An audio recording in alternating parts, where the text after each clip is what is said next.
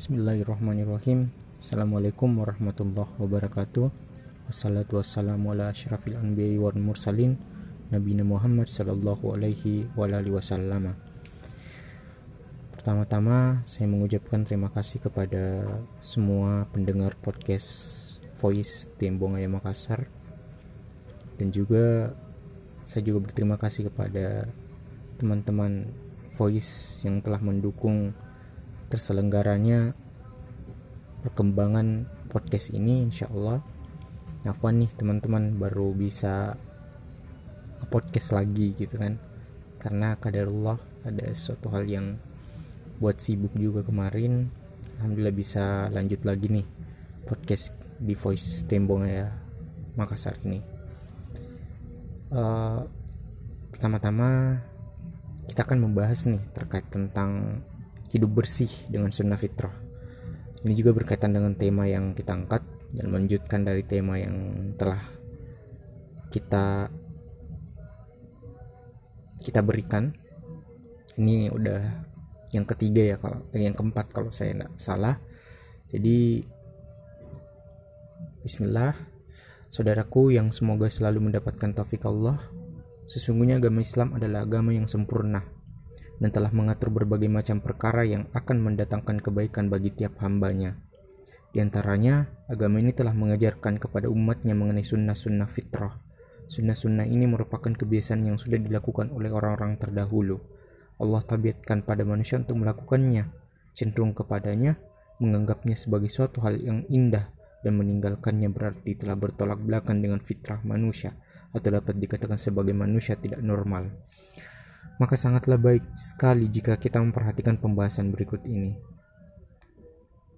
Pengertian sunnah fitrah Sunnah fitrah adalah suatu tradisi yang apabila dilakukan akan menjadikan pelakunya sesuai dengan tabiat yang telah Allah terap, tetapkan bagi para hambanya, yang telah dihimpun bagi mereka.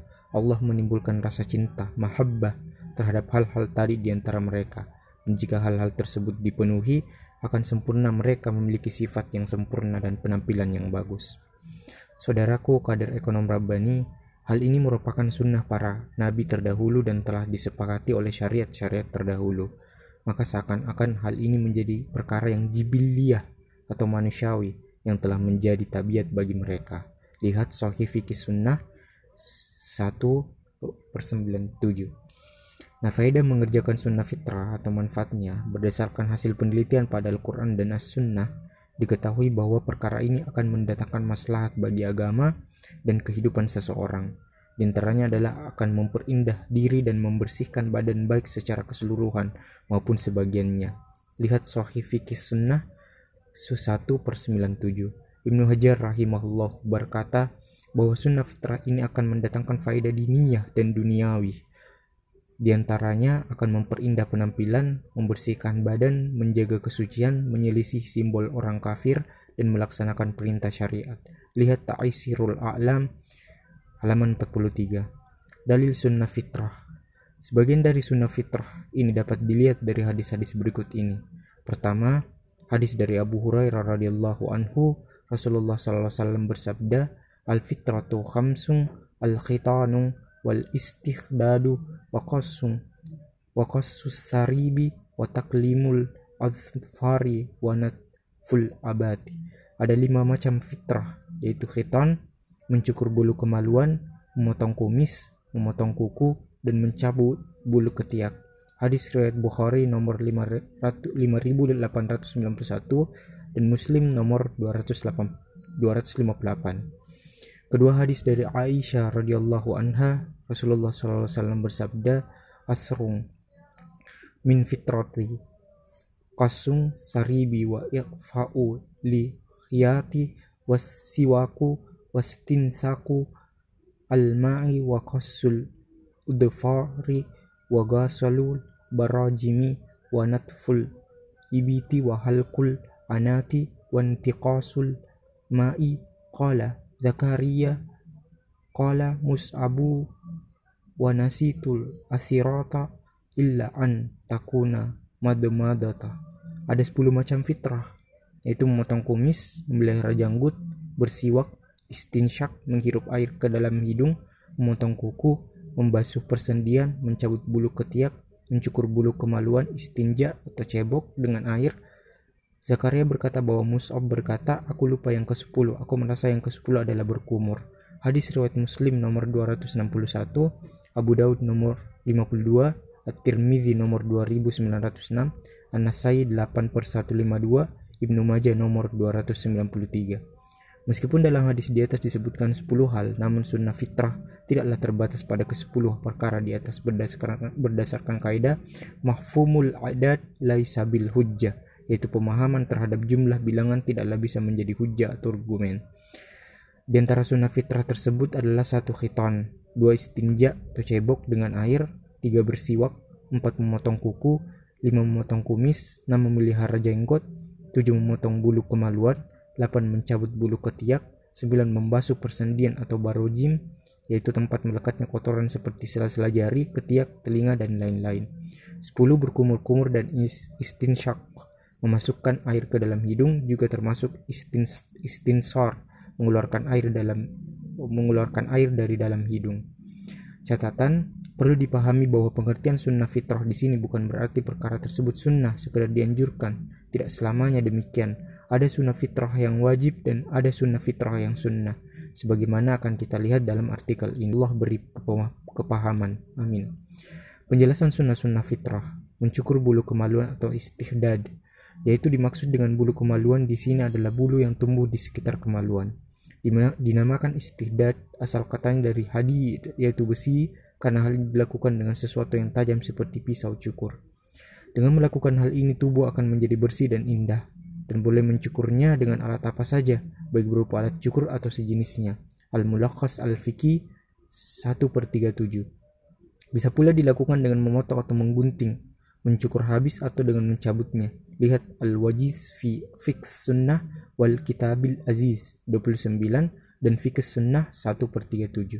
Memotong kumis dan merapikannya, yaitu dengan memotongnya sependek mungkin. Dengan melakukan hal ini akan terlihat indah, rapi, dan bersih dan ini juga dilakukan sebagai pembeda dengan orang kafir. Lihat Al-Mulakhas Al-Fiqih halaman 37. Hadis-hadis tentang hal ini terdapat dalam pembahasan memelihara janggot dan pada sebagian selanjutnya. Memotong kuku yaitu dengan memotongnya dan tidak membiarkannya memanjang. Hal ini juga dilakukan dengan membersihkan kotoran yang terdapat di bawah kuku.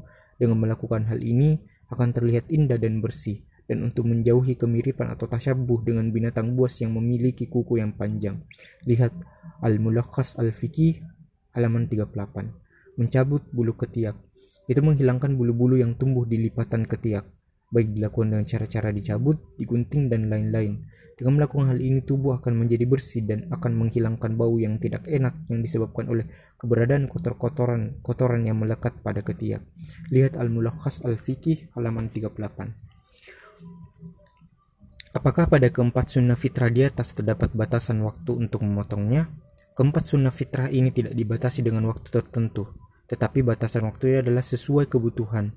Kapan saja dibutuhkan, itulah waktu untuk membersihkan atau memotongnya. Tetapi sebaiknya hal ini tidak dibiarkan lebih dari 40 hari, karena terdapat hadis dari Anas bin Malik radhiyallahu anhu wa kita lana fi qassis saribi wa taqlimil azfari wa natfil ibiti wa halkil anati an la natarroka aksara min arba'ina laila.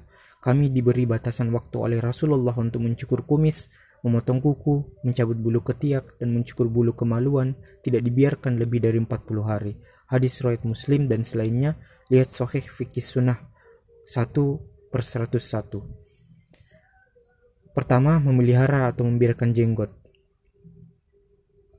Nah, satu, perintah Nabi melihara jenggot. Dua, hukum memangkas jenggot.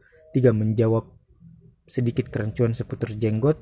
Kedua, masalah uban. Satu, hukum mencabut uban. Dua, hukum menyemir rambut. Ketiga, siwak. Waktu utama untuk bersiwak. Nah, nanti inilah sebuah hal yang di mana hidup bersih itu sangat bersinggungan dengan konteks Islam. Dan bahkan kalau kita lihat dari budaya barat pun dari beberapa sunnah fitrah yang telah dijelaskan oleh Al-Ustaz Muhammad Abduh Tuasikal Hafizahullah Ta'ala di artikel beliau di www.romaisyo.com teman-teman kader ekonom Rabbani atau teman-teman generasi syariah juga bisa lihat nih di artikel beliau bahwa di sinilah fitnah fitrah sunnah ini bahwa kebersihan itu adalah sesuatu yang sangat ditekankan dalam Islam. Sehingga menjaga kebersihan adalah sumber dari sehatnya seseorang. Kebersihan itulah yang membuat orang juga akan diberikan kesempatan untuk punya proteksi dari bahaya-bahaya virus, terutama virus COVID-19 pada hari ini. Maka dari itu, anjuran-anjuran ini bersifat tidak hanya sekedar sunnah saja ya tadi, bahwa ini adalah sesuatu yang diwajibkan. Ini adalah sesuatu yang di uh, diwajibkan secara bahwa ini diharuskan gitu. Supaya kenapa? Kebersihannya adalah sesuatu yang sangat diperlukan dan sangat dibutuhkan pada era-era saat ini karena kita kita lihat seperti sekarang kejadian-kejadian COVID-19 ini membuat kita semakin tergugah untuk hidup bersih, hidup sehat, hidup untuk uh, menjaga tubuh agar tidak sampai sakit dan juga tidak sampai kotor gitu. Jadi sumber kotor itulah adalah penyebab dari sumber adanya penyakit itu sendiri. Maka dari itu Islam sangat concern terhadap masalah-masalah seperti ini bahkan kalau kita lihat di negara-negara maju sekalipun juga sebenarnya mereka menerapkan sistem fitnah fitnah sunnah fitrah ini. Uh, fitrah sunnah ini. Sehingga mereka mau tidak mau sebenarnya mengikuti Islam juga dalam hal-hal kebersihan. Dan sehingga apa yang menjadi konsep pada saat ini adalah sebuah fenomena yang harus kita jadikan sebagai pelajaran. Sehingga teman-teman kader ekonom rabani dan generasi syariah atau Gen bisa menjadikan contoh dan menjadikan teladan dari artikel ini untuk ayolah kita hidup bersih gitu kan. Ayolah kita comeback untuk hidup bersih gitu bahwa hidup bersih ini karena Allah loh. Hidup bersih ini ya udah diajarin oleh Rasulullah SAW apa yang dia, dianjurkan dan diajarkan Rasulullah SAW adalah sesuatu yang baik bagi kita.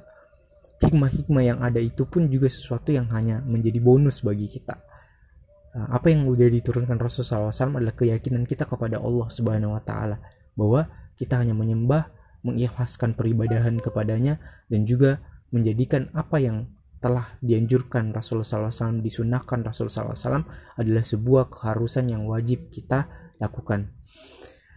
Nah inilah suatu hal yang di mana kader ekonom Rabani dan generasi syariah harus menjadikannya sebagai panutan untuk menghadapi berbagai tantangan zaman di era yang akan datang sehingga Islam itu adalah sesuatu yang akan memberikan proteksi terdini yang akan menjadikan sesuatu itu akan lebih baik daripada apa yang pada hari ini.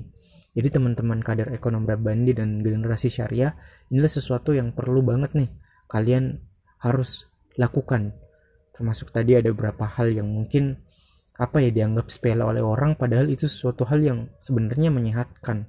Sebenarnya sesuatu yang bersih itu akan memunculkan kesehatan juga memunculkan kebahagiaan bagi orang-orang.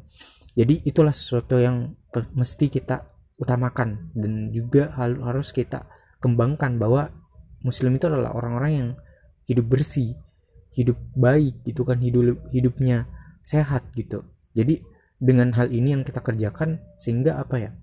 Uh, apa yang menjadi sesuatu yang akan datang itu bisa menjadi proteksi kita dari awal bahwa Islam udah nganjurin hidup sehat gitu. Jadi insya Allah ini adalah uh, podcast terbaru kami. Insya Allah uh, nanti kita akan bahas kembali. Yang keduanya ini baru versi pertama ya.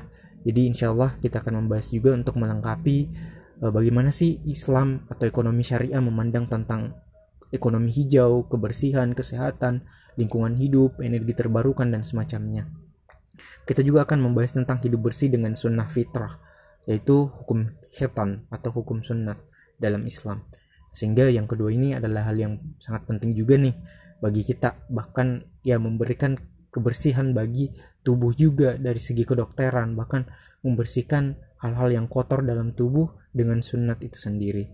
Nah, baik teman-teman kader ekonom Rabbani, terima kasih bagi siapa pun yang uh, kader ekonom Rabani dan generasi syariah yang mendengarkan podcast ini insya Allah bisa memberikan keberkahan dan juga memberikan kebaikan bagi kita semua. Karena ekonomi ekonomi Islam adalah kebaikan bagi kita semua. Maka dari itu saya sangat berterima kasih kepada para pendengar kader ekonomi Rabbani dan generasi syariah atas podcast pada hari ini pertanggal 5 Desember hari Ahad pada jam 9 lewat 3 waktu Indonesia Tengah. Syukran jazakallah khair wa barakallahu fik. Semoga selalu kita dalam lindungan Allah Subhanahu wa taala dan selalu diberkahi, juga selalu diberikan kesehatan dan diberikan kesuksesan baik dunia maupun akhirat. Amin. Amin ya rabbal alamin. Juga saya sangat berterima kasih dan syukran kepada ketua Pak Direk dan Fosei Nasional dan Fosei Regional yang telah memberikan kita wadah untuk um, memberikan sebuah konsep yang di mana kita bisa diskusi dan belajar bersama di dalam ukhuwah, dakwah, dan ilmiah. Amin. Amin ya rabbal alamin. Syukran, saya tutup dengan doa kafaratul majelis. Subhanakallahumma bihamdik, asyhadu an la ilaha illa anta, astaghfiruka wa atubu ilaik. Alhamdulillahirabbil alamin. Assalamualaikum warahmatullahi wabarakatuh. Terima kasih teman-teman kader ekonom Rabbani dan generasi syariah. Selamat datang, selamat uh, melakukan melakukan hal-hal yang bersih ya dan juga comeback lagi ya ke podcast kami, join ke podcast kami dan jangan lupa untuk uh, nge notification podcast kami untuk mendapatkan podcast-podcast baru nih dari kami. Assalamualaikum warahmatullahi wabarakatuh.